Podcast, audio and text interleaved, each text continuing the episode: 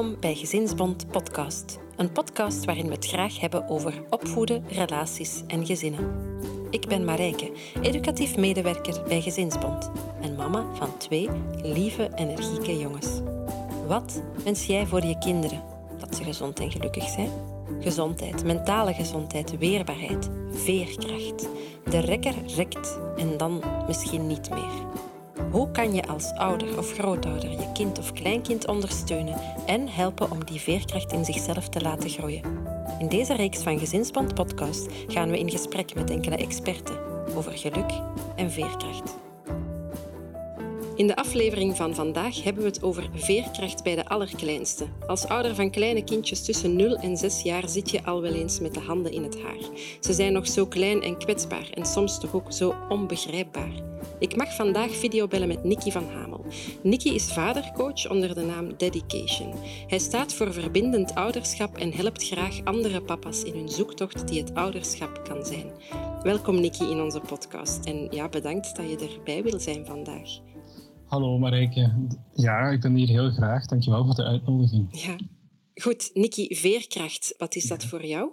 Ja, er zijn wel verschillende definities voor te vinden als je gaat zoeken in de boeken of op het internet. Wat het voor mij betekent, is, eigenlijk de mate waarin dat je kan herstellen of omgaan met, met, met tegenslag, stress, moeilijke situaties en zo. En in hoeverre dat je dus terug kunt opveren eigenlijk. Vandaar ook de, die naam veerkracht. Allee, zo zie ik dat. Ja, bij tegenslag terug kunnen opveren. Ja. Als ouder wil je uiteraard hè, dat je kinderen gelukkig zijn en je wil die ja, zien opgroeien tot zelfstandige, mooie mensen. Hoe kan je dat eigenlijk bij een baby of een peuter of een kleuter, hoe kan je dat zien dat hij het moeilijk heeft? Ja, er zijn verschillende manieren waarop dat je dat kan zien. Maar misschien voor ik daar iets over zeg, mhm. toch misschien even iets wat met de binnen schiet over veerkracht. Omdat als ik veerkracht hoor, dan, dan denk ik ook meteen aan Michael Portsky.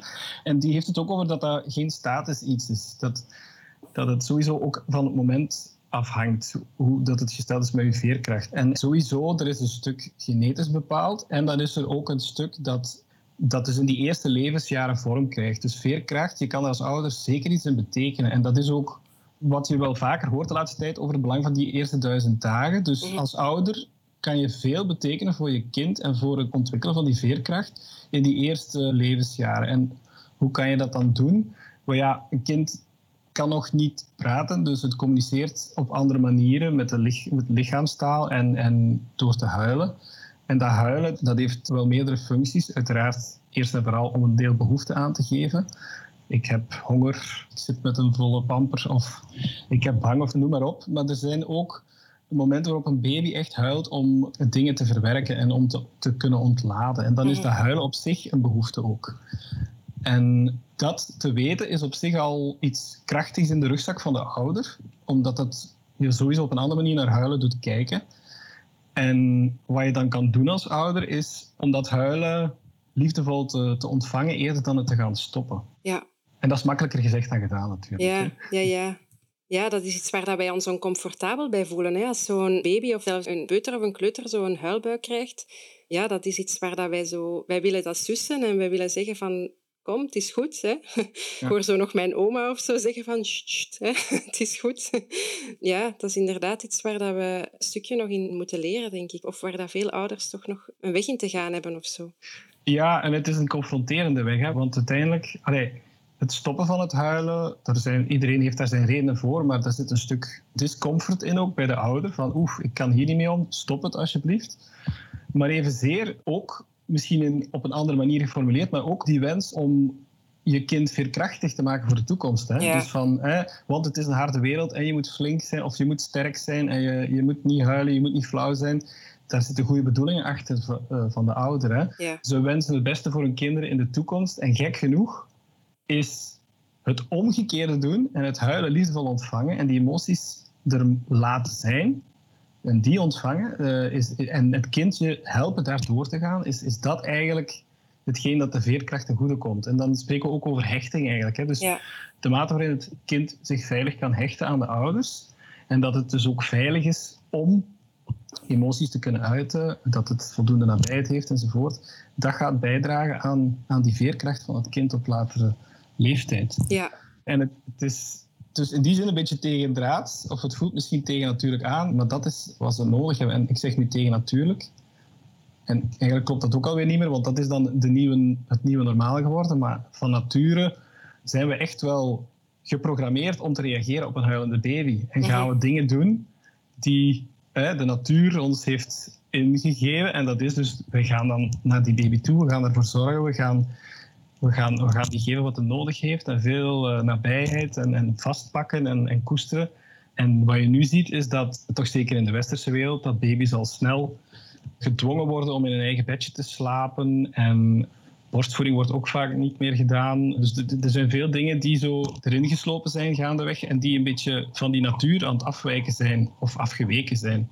Ja. Dus uh, ja, het is, het, is, het is niet gemakkelijk om als ouder daar dan tegenin te gaan en eigenlijk terug te gaan doen wat het je baby nodig heeft en wat jij eigenlijk voelt dat het kind ook nodig heeft. Dat is, uh, ja, eigenlijk wel, uh... zeg je van wij willen als ouders onze kinderen gelukkig zien en gelukkig is zo'n beetje daar hebben wij zo'n beeld van dat je dan altijd moet vrolijk zijn, lachen en dat er vooral geen tranen of boosheid bij mogen komen eigenlijk. Hè. En mm -hmm. we willen dat in de toekomst dat dat een gelukkig, gelukkig mens wordt, maar we willen dat eigenlijk al van bij de start dat die dan zich zo gaat gedragen of zo. Ja. Terwijl dat het eigenlijk dat zo'n huilbui ook wel deugd kan doen en dat je dan achteraf dat dat bijdraagt tot gelukkig of, of echt in het leven te staan eigenlijk. Hè. Ja, ja, ja, zeker. Ja. En het is ook eigenlijk mooi om te zien, want als ouder moet je vaak niet zo heel veel doen, omdat een kind eigenlijk een groot stuk herstellingsvermogen al in zich heeft. In die zin dat, het is tweerlei, hè? dus de, de ouder is heel belangrijk, zeker als het neerkomt op emoties.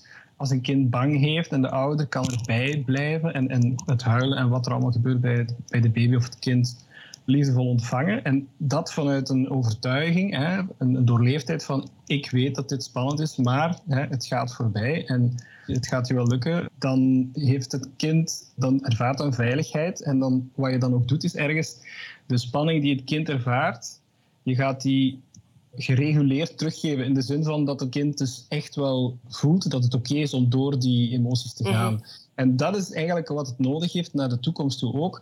Want wat zie je in onze maatschappij heel vaak, is dat wij volwassenen dat we wegvluchten van onze emoties.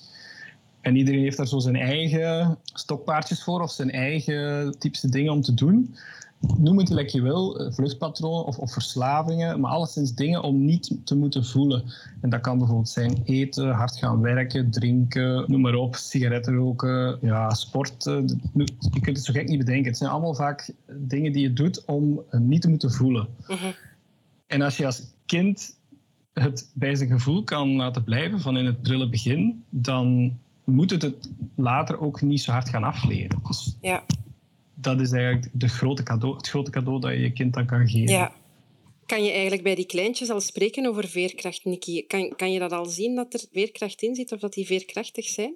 Ja, ik vind dat moeilijk om daar een uitspraak over te doen, om dat dan onder de titel veerkracht te steken. Maar wat ik ontzettend indrukwekkend vind, is het herstellend vermogen van, van een klein kindje. Dus alles gebeurt in de relatie en een kind heeft wel degelijk de veiligheid en de nabijheid van, van uh, volwassenen, ouders of verzorgers nodig om dus tot rust te kunnen komen. Als er heel veel stress is en spanning, gaat een baby huilen en ontladen. En als het bijvoorbeeld alleen achtergelaten wordt in een bedje, dan gaat dat stressniveau niet zakken. Uiteindelijk gaat het wel in slaap vallen, omdat het gewoon de moed opgeeft. Maar de hoeveelheid stress, het stresshormoon, gaat niet naar beneden. Terwijl als er dan een volwassene in de buurt is, hè, en biedt die veiligheid en de troost, dan gaat het stresshormoon ook echt wel zakken. En dus ja. dat is heel belangrijk. Anderzijds is het ontzettend indrukwekkend om dan te zien, als ze die kans krijgen, hoe snel dat ze er, er vaak door geraken. Dus er komt een felle huilbui, die neemt vaak nog eventjes toe als er iemand is die liefdevol nabij is. En dan is men er door en dan komt er terug ruimte voor constructiviteit, speelsheid, noem maar op. En, en dat, is, dat is ontzettend indrukwekkend om dat te zien. En dus dat zie ik ook in mijn kinderen en vaak in andere kinderen, hoe, hoe snel dat, dat dan kan gaan. -huh. Dat heeft ook zelfs een naam bij, bij iets oudere kindjes dan. We zitten nog altijd in de categorie 0 tot 6, maar er is zo'n fenomeen vanuit aware parenting. Dat is ja, een van de vele manieren om naar opvoeding te kijken. Die is in de tijd door Aleta Solter, die heeft dat in leven geroepen. En zij spreekt van het gebroken koekje fenomeen. Ja. Dat is een heel tastbaar beeld, vind ik. Een kind vraagt een koekje. En wat zie je? In de koekentrommel zit nog één koekje en dat is helaas gebroken. Dus je geeft een half koekje aan dat kindje en dat begint keihard te huilen. Mhm. Buiten proportie voor ons als ouder of volwassenen. Ja, dan kan je de vraag gaan stellen van, allee, of dan kan je gaan reageren van, kom, doe niet zo flauw, het is maar een gebroken koekje en het is nog altijd een koek. Maar dat kind zweert dan bij, ik wil een nieuwe koek, ik wil een hele koek. En, en dan kan je als ouder daarop ingaan en bijvoorbeeld snel naar de winkel spurten om de hoek voor een nieuw pak koeken. En dan is het even terug oké en rustig, maar de vraag is hoe lang. Want dan komt dat even later terug in de vorm van iets anders. Verkeerde broek of, of weet ik ja. wat. Of de verkeerde lepel. Dus dat blijft terugkomen. Want op zo'n moment, dat is dan een voorbeeld van... Ik heb hier een grens nodig om te kunnen ontladen van mhm. spanning en stress die ik heb opgekropt van de laatste dag of dagen. Baby ervaart of een kind ervaart zoveel stress van alle moetes die het op een dag meemaakt. Het is heel afhankelijk van de zorgverleners en dat, dat geeft ontzettend veel stress. En die moet er soms een keer uit. En dan is dat zo waardevol als ouder om dat te weten dat dit zich voordoet en het ook de ruimte te bieden om dan te kunnen ontladen. En dan merk je, als ze die kans krijgen, wat een verschil dat dat dan biedt in constructiviteit en in aangenaam zijn in de omgang na zo'n zo'n huilbui. En dat is dan het, het natuurlijk herstelmechanisme van een kind eigenlijk, wat wij als ouder gewoon ja, maar hebben te faciliteren dan. Ja, dat zijn zo van die dagen waarop dat je dan soms als, als mama of papa denkt van allee, ik doe nu alles wat hij vraagt en niks lijkt goed te zijn. Hè? Zo, ja, ja, Waardoor dat het eigenlijk voor, voor iedereen gewoon een frustrerende dag wordt. Hè? Dus, uh, ja. Dus eigenlijk zeg je daarvan, doe even gewoon niet wat hij vraagt en ja, ontvang gewoon wat er eigenlijk onder zit. Hè? Ontvang die emoties. Absoluut, ja. want dat heeft, daar heeft iedereen dan baat bij. Hè. Als je zo'n hele dag, als je merkt dat dat zorg ochtends al begint, dan heeft iedereen er baat bij van, van dat te doen. En dan, ja, wat je kan doen is dan een liefdevolle grens stellen. Dus niet van, allee, niet brut en nors van stop ermee of nee, dat niet, geen koekje. Maar, maar dus gewoon ergens contact zoeken en, en zeggen van kijk lieverd, ik zie jou graag en ik hoor dat je graag een koekje wil.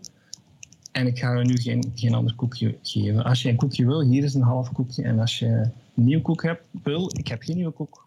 En dan kijken wat er komt. En dan meestal komt er dan wel uh, een en ander los. En dan is het natuurlijk de uitdaging, want het klinkt allemaal heel simpel dan, maar dan is het de uitdaging om als ouder, dus om ruimte te bieden, moet je ruimte hebben. Mhm. Als je geen ruimte in je rugzak hebt zitten of in je emmers, als uw emmer vol zit, ja, dan kun je dus geen ruimte bieden. Dus, en dan word je eigenlijk meteen geconfronteerd met je eigen, om zo te zeggen, tussen aanhalingstekens, veerkracht. Dus dat is allemaal uh, met elkaar verbonden. Dus veerkracht voor ouders is ook ontzettend belangrijk in dat verhaal. Ja, klopt wel. Als je dan zo'n dag hebt waar dat je dan zo te laat merkt van oké, het is hier die grens dat, dat dat moet gesteld worden, dan is bij jezelf ook die die stress al wat opgestapeld, denk ik. Hè? Of, of heel dat, hè, die, die frustraties komen dan, waardoor dat moeilijker wordt om, om die grens misschien dan hè, liefdevol te gaan stellen. En ja, waardoor dat je inderdaad je eigen vatje al te vol zit om daar zacht mee om te gaan of zo, denk ik. Hè? Dat is de uitdaging. Ja, want het, het kan wel, wel pittig zijn, hè? Zo het ontvangen van ja, wat uw kleintje nodig heeft of wat uw kindje nodig heeft. Ja, ja, dat, uh, want allee, er is sowieso het stuk, heb je zelf op dat moment de ruimte. Want je hebt zelf ook een dag gehad met een hoop prikkels. En waarschijnlijk zit jij ook met een volle emmer die ergens ontlading nodig heeft. En is het huilen van het kind misschien bij u het gebroken koekje dat de, druppel is die de emmer doet overlopen. Dus eigenlijk als ouder is het zaak om, om ervoor te zorgen dat, dat uw emmer niet te vol is in de omgang met je kinderen. En dat is ook weer gemakkelijker gezegd dan gedaan. Maar dus iedereen heeft wel zijn dingen die kunnen helpen om de emmer te legen en het batterij op te laden. En het is zaak van dus regelmatig aan zelfzorg te doen en mhm. ervoor te zorgen dat uw emmer wat leegt en dat uw batterij terug wat voller is. En vaak ook een gevolg van de westerse wereld waarin we leven, zijn de dingen die we denken dat ons opladen, dat juist niet. Bijvoorbeeld even gaan binge-watchen of scrollen op Facebook. Dat zijn allemaal wel leuke dingen, maar daar, daar gaat een emmer niet echt van leeg. En daar wordt de batterij ook niet echt van opgeladen. Dus, dus sommige mensen weten zelfs niet eens waar ze echt zelfzorg is voor hen en wat hen kan tot rust doen komen. Dus het is ergens een uitdaging om te gaan zoeken van wat kan jou echt helpen om even te zakken en ja, wat, wat dingen uit je nummers te doen, je vatje wat te legen. En dat kan, ja, dat is voor iedereen anders natuurlijk, maar bijvoorbeeld een wandeling of even mediteren of, of gewoon even heel mindful een tasje thee drinken. En dat kan gerust ook een koekje eten zijn, maar dan geen heel pak. ik geef eerlijk toe, ik vlucht alles uh, een keer in het eten, vaak zelfs, en dan is dat niet meer zelfzorg, dan is dat eerder uh, zelfsabotage. Ja. Dus dat is een grote uitdaging als ouder om dat te doen. Mhm. En er is ook het stuk waar je niet eens van weet dat het in je zit, maar als een baby huilt, dat triggert van alles van hoe wij onze kinderjaren hebben ervaren. En die geheugens, dat zijn geen die paraat allee, in je hoofd zitten, maar je hebt die in je lichaam opgeslagen en dat wordt dus automatisch getriggerd. En dus je gaat merken dat je bepaalde, op bepaalde momenten heel fel reageert of, of, of bevriest of wat dan ook. Dan zit je zonder te weten in, in je eigen kindstuk van vroeger. Dus ja, ergens is daar ook een, stuk mildheid belangrijk, want je gaat dingen doen waarvan je denkt van waarom doe je dit nu? Je wilt het niet en toch gebeurt het. En dat is puur omdat je getriggerd wordt in eigen oude kindstukken en patronen. Dus uh, dat is niet te onderschatten hoe complex dat, dat is voor ouders. Mhm. En in die zin is het echt belangrijk om ouders ook te steunen daarin. Want, want allee, het is niet gemakkelijk om zo, zoiets alleen te doen. Ja, en als je zegt van ouders te steunen, op welke manier bedoel je dat dan vooral? Wel, ja, dat is vandaag de dag ook minder evident dan vroeger. Want vroeger ja, werd een kind opgevoed door een heel eh, groep mensen eigenlijk. Door de familie of de, de, ja, de entourage. Dus ze spreken dan van the village. It takes a village to raise a, child. Dus, ehm, maar vandaag de dag zijn we nogal op ons eigen. En, en wordt het dus een stuk moeilijker om die steun dan te gaan vinden. Hè. Er zijn uiteraard online heel veel dingen waar je op kan inschrijven, groepen en dergelijke. En zijn ook wel fysieke moeder- en vadergroepen waar je terecht kan. En uiteraard kan je ook terecht bij een coach of een therapeut. Maar ook bij vrienden uiteraard hè, en familie.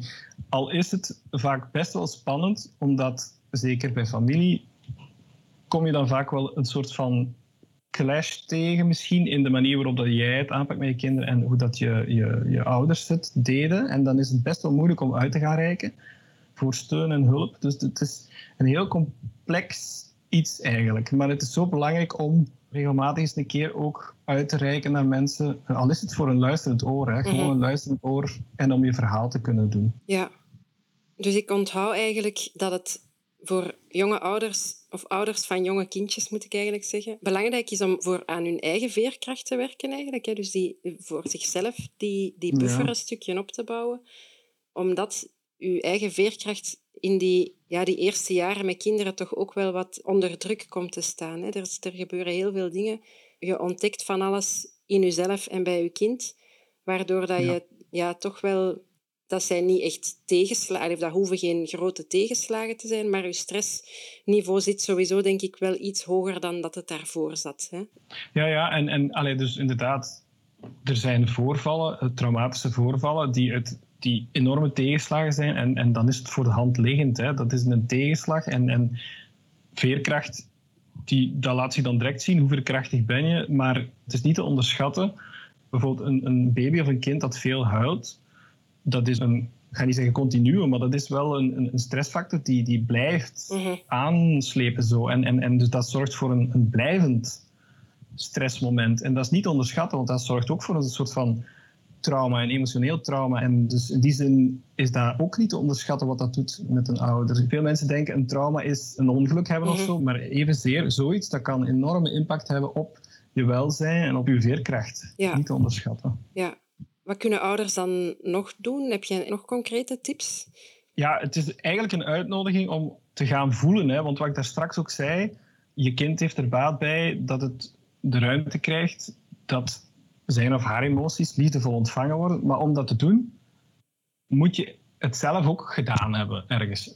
Het komt neer op voorleven. Je kunt wel zeggen, hè, huil maar. Hè, maar als je merkt van ik heb er de ruimte niet voor, dan gaat je kind wel voelen dat laatste, dat je de ruimte er niet voor hebt. Dus dan kun je wel zeggen, huil maar, maar ja. dan, dan zit er daar energetisch iets, iets niet uh, congruent. Allee, dan klopt het niet. Dus het is eigenlijk de uitdaging om als ouder te gaan, te gaan voelen en ook je eigen ja, angsten en emoties te, te gaan doorleven. En dan mhm. kun je dat ook, die doorleefde gevoelens, kun je dan teruggeven aan je kind. En zo help je je kind tot rust te komen. Dus het is, het is eigenlijk voorleven van wat je kind toewenst. En dat is, uh, dat is heel uitdagend. En daarin kan je dus ook zeker hulp zoeken. Hè? Als ouder vinden wij, allee, denken wij toch ook vaak dat we zo echt sterk moeten staan. Hè? Dat we de rots in de branding moeten zijn voor de kinderen of zo. Mm. Waardoor dat je misschien ook zo de reflex gaat hebben van ik mag niet huilen bij mijn kinderen, ik mag mm. niet tonen dat ik bang ben voor iets. Ja, nee, juist wel. Hè. Eh, als dat is vanuit een, een overtuiging van kijk, het komt goed, dan geef je een kind eigenlijk een mooi, mooi cadeau. Als je merkt van, oh nee, als, als je zelf in een stuk zit van, ah, het gaat hier echt niet goed komen, dan geef je dat ergens mee. Hè? Maar, maar als je als ouder meid, ik ben nu bang, maar ik weet ook, hè, dat gaat voorbij, dan is dat iets heel moois. En de rots in de branding ben je dan eigenlijk wel, hè? maar op een manier dat je toch je kwetsbaarheid ook toont. Ja. Want het sterk zijn, het is maar hoe je het bekijkt. Hè? Als ouder moet je sterk zijn en in je kracht staan en, en zo, vind ik wel. Maar dan op de manier van je kwetsbaarheid gaan tonen. Dus het, is, mhm. het is best wel krachtig om je kwetsbaarheid te tonen. Eerder dan je sterk houden in de zin van ga mijn emoties afschermen. Het is maar hoe dat je dat invult, dat, dat, sterk zijn. Er is zo'n voorbeeld waar ik aan moet denken. Want ja, allee, om je een idee te geven, ik heb al heel veel gehuild met mijn kinderen, omdat ze zelf ook, zeker in het begin, heel veel gehuild hebben. En dat is oké, hè. Als zij voelen dat jij er als ouder niet aan het onderdoorgaan bent en mhm. dat het een, een soort van liefdevolle aandacht is voor je eigen pijn die dan naar boven komt, dan, dan kan dat zeker. En ik moet denken aan heel in het begin, toen mijn zoontje geboren werd. Ik had de weken, maanden voordien, had ik echt wel heel veel gesport en, en, gemediteerd. En ook af en toe een massage. En dus dan zijn er ook nog wat dingen losgekomen. En zo. Ik voelde me echt heel goed in mijn vel. En dan ging het eigenlijk na de bevalling mis met mijn vrouw en dan is die geopereerd. En dan ben ik de eerste uren dat mijn zoontje op de wereld was, heb ik met mijn zoontje alleen in de verloskamer gezeten. En ik kon toen eigenlijk vrij rustig blijven. Juist omdat ik, ik had ergens iets van een vertrouwen, zelfs met de gedachte dat mijn vrouw in de operatiekamer was, had ik zoiets van, het komt wel goed. En hij heeft die eerste uren ook bijna niet gehuild. En hij moet die rust ongetwijfeld ook gevoeld hebben bij mij. Ja. Het is pas daarna dat het dan ook nog een tijd slechter ging met mijn vrouw. En dan ben ik ook wel stil aan beginnen afzakken en me slechter voelen. Dan ging het met ons zoontje ook wel minder goed. Maar zo, dus het, het, heeft heel veel te maken met hoe goed dat je in je vel zit. Hoezeer dat je je vatje kan legen regelmatig. En dat je aan zelfzorg kan doen. En uh, dat zijn zeer belangrijke dingen als ouder. Omdat het kind daar onrechtstreeks je kind die, die profiteert daar gewoon van. Mhm. die, die plukt daar de vruchten van. Ja, het is uiteindelijk goed gekomen, zoals dat je toen voelde. Het is uiteindelijk, ja, uiteindelijk komt het altijd wel goed, ook al is het soms uh, misschien niet helemaal zoals je gedacht had. Maar ja, het is, het is even wel heel pittig geweest. En ik moet zeggen, mijn zoontje die, die heeft daar nu nog altijd last van, omdat hij heel lang gescheiden is van de mama ook. En om dan nog een voorbeeld te geven van de veerkracht van een kind, of het vernuft eigenlijk van het natuurlijk herstelvermogen. Dus wat hij nu aan het doen is, hij is nu bijna 16 maanden, nu is hij heel veel, als ik op het bed lig en ik heb mijn benen zo'n beetje gebogen, dan gaat hij zelf onder mijn benen doorkruipen. En dat is dus een beweging die hij, gisteren heeft hij het zeker 25 keer achter elkaar Amai, gedaan. Ja. En dus wat hij doet, hè, vanuit de pre- en perinatale psychologie, is dat echt ondertussen bewezen. Wat hij doet, is zijn eigen geboorte ja. opnieuw doormaken op verschillende manieren. Hij kruipt soms naar, langs voorderen, soms langs achter. Soms zit hij, gaat hij zichzelf echt vastwerken en raakt hij zelfs een beetje in paniek en dan komt hij er toch weer door. En hij blijft dat maar doen totdat dat, totdat dat verwerkt is. Want de geboorte is niet verlopen zoals hij wou. Die is heel snel gegaan. Op, op, op drie uur van eerste week tot geboorte was hij er. Ja. En dan is mama ook nog eh, van hem gescheiden geweest lang. Dus er zit daar heel veel ja, trauma en, en stress op. En hij is nu op zijn manier daar iets anders aan het met iets anders aan het overschrijven. En dat is zo prachtig om dat te zien. Ik moet daar niks voor doen. Ja, geweldig hè? Ja. Ik moet hem gewoon de ruimte geven om dat te kunnen doen. Dus dat is, dat is prachtig. En in die zin is het voor ouders vaak gewoon een kwestie van te ondersteunen en het mogelijk te maken. En dan ja, een rust te kunnen bewaren. Ja, in die zin wel de rots in de branding te zijn. Ja. En een stukje erop vertrouwen dat, dat je kindje eigenlijk weet wat dat hij of zij moet doen. Hè? Absoluut. We denken vaak, het is nog maar een baby en ze kunnen nog niet dit, ze kunnen nog niet dat. Het is nog geen volwaardige mens. Maar ik denk als wij van in de buik al naar baby's zouden kijken en in interactie gaan met baby's, als waren het mensen. Hè? Dus niet zo van, oh, dat is nog maar een foetus en, en, en dit en dat. Maar dus, het is een mensenwording. En van, van, vanaf het prille begin om te gaan met onze kinderen als mensen, dan zijn we heel goed bezig, denk ik. Want mhm. zelfs kijk naar bejaarden ook, die, die gaan we soms ook minder menselijk behandelen. Zo van, ah ja, ja ook, het is, de, die is dement of dit of dat. Nee, dat is nog altijd een mens. Als wij van in het begin beseffen, dat is een mens. Hoe zou het voor mij zijn als ik, zonder dat iemand dat tegen mij zegt, hardhandig op een, allez, hardhandig op een verzorgingskussen wordt gelegd, roepvol, ik krijg dat met een pamper wordt uitgestoken, er wordt keihard aan mijn billen geveegd om mijn billen proper te maken en dan rat terug een nieuwe pamper aan en knel op de grond en speel maar verder. Of van, ik kan duizend voorbeelden geven, maar hoe zou dat voor jezelf zijn? Dat is eigenlijk geen respect. Dat is onwaardig om zo behandeld te worden. Mhm. en, en dat is vaak hoe dat we met, met kinderen omgaan, omdat we niet denken vanuit, ah ja, dat is een kleine mens. En het heeft te maken met respect en ook eerbied voor die behoefte die de baby al heeft van in het begin. Van ik wil gehoord worden, ik wil gezien worden, ik wil dat je rekening houdt met mij. Dat zijn allemaal dingen die, die er al zijn, ook al heeft het nog geen woorden. Als je dat kan meenemen van in het begin, het is een mens en hoe wil ik omgaan met, met mijn medemensen? Hoe wil ik dat mensen met mij omgaan? En als je dat dan gaat doen, dan denk ik dat, dat je voor de rest heel veel boeken mocht vergeten. Ja, en dat het dan op die manier toch krachtige, zelfstandige, mooie mensen gaan worden. Ja, absoluut. absoluut. Oké, okay. Nikki. Ik denk dat we al heel wat besproken hebben. Zijn er nog zaken dat je graag wilt toevoegen aan het hele verhaal? Ja, het komt er eigenlijk op neer dus dat in onze poging om, om kinderen hè, veerkrachtig te laten worden of, of te maken, dat klinkt zo gek, maar worden we dus eigenlijk wel geconfronteerd met onze eigen veerkracht of het gebrek daaraan. En dan hebben we daar eigenlijk mee aan de slag te gaan. Om er meer te kunnen zijn voor onze kinderen. Dus dat, dat is een beetje de dynamiek die er ontstaat. En het is ook vaak zo dat ze zeggen dan een kind vertoont lastig gedrag. Dat is een symptoom. En we gaan vaak focussen op de symptomen in onze maatschappij. Terwijl, ik heb het zelf ook weer meegemaakt met mijn zoon. Hè, dus hij, hij huilde veel en uh, hij sliep slecht. Nog steeds. En we zijn dan in begeleiding gegaan en we komen uiteindelijk worden geconfronteerd met het stuk jullie moeten aan de slag met jullie stukken. En dan zal het met uw kind ook beter gaan. En dat is heel confronterend. Ja. En dat is de uitdaging die wij als ouders hebben. Want wij, we hebben een hoop dingen niet gekregen, zonder slecht te spreken over onze ouders bijvoorbeeld, want ze leefden in een andere tijdsgeest. En er was een hoop kennis nog niet toen. Wij hebben een hoop dingen niet gekregen die we nu zouden moeten gaan voorleven aan onze kinderen, of zouden moeten gaan geven aan onze kinderen. Moeten is niet, hè, maar het zou wenselijk zijn om dat te doen. En als je iets niet voorgeleefd gekregen hebt, dan is het ontzettend moeilijk om dat in de wereld te zetten. Want je kunt de kennis hebben, maar het in de praktijk zetten, dat is nog een wereld van verschil. Mhm. En daarom is het belangrijk om dat niet alleen te doen, want dat is een hele moeilijke taak. Ja. Als mensen daar nog meer over willen weten of daarmee aan de slag kunnen gaan, waar raad je hen aan, Nikki? Waar kunnen ze terecht? Ouders kunnen sowieso contact opnemen met mij ook. Dus ik begeleid niet alleen vaders, ik begeleid ook moeders. En er is een vadergroep die ik maandelijks organiseer. Die gaat vanaf september terug van start. Wat ik ook kan aanraden is sowieso de boeken van Aleta Solter, die dus over aware parenting gaan. Vanuit die hoek werk ik ook opvoedingsondersteunend.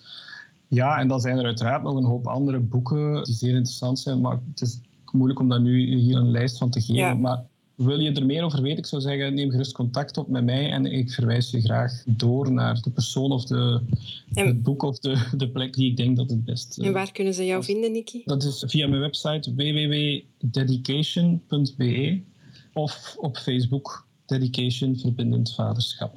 Of je kan terecht bij een van de collega's van het netwerk Afgestemd Opvoeden. Meer informatie hierover vind je op www.afgestemdopvoeden.be. Oké. Hartelijk bedankt, Niki, voor de fijne babbel vandaag. Ja, jullie ook. Dankjewel voor de uitnodiging nogmaals. Zo, dat was het weer voor vandaag. Wil je in de toekomst nog meer van deze podcast beluisteren? Abonneer je dan in je favoriete podcast-app en mis geen enkele aflevering van Gezinsbond Podcast. Laat ons weten wat je ervan vindt via een recensie in je favoriete podcast-app of stuur een mail naar podcast.gezinsbond.be. Wil je op de hoogte blijven van de laatste updates? Volg ons dan ook op Facebook en Instagram. De hele reeks van Veerkracht kan je ook volgen en terugvinden op goedgezind.be. Bedankt om te luisteren en tot de volgende keer.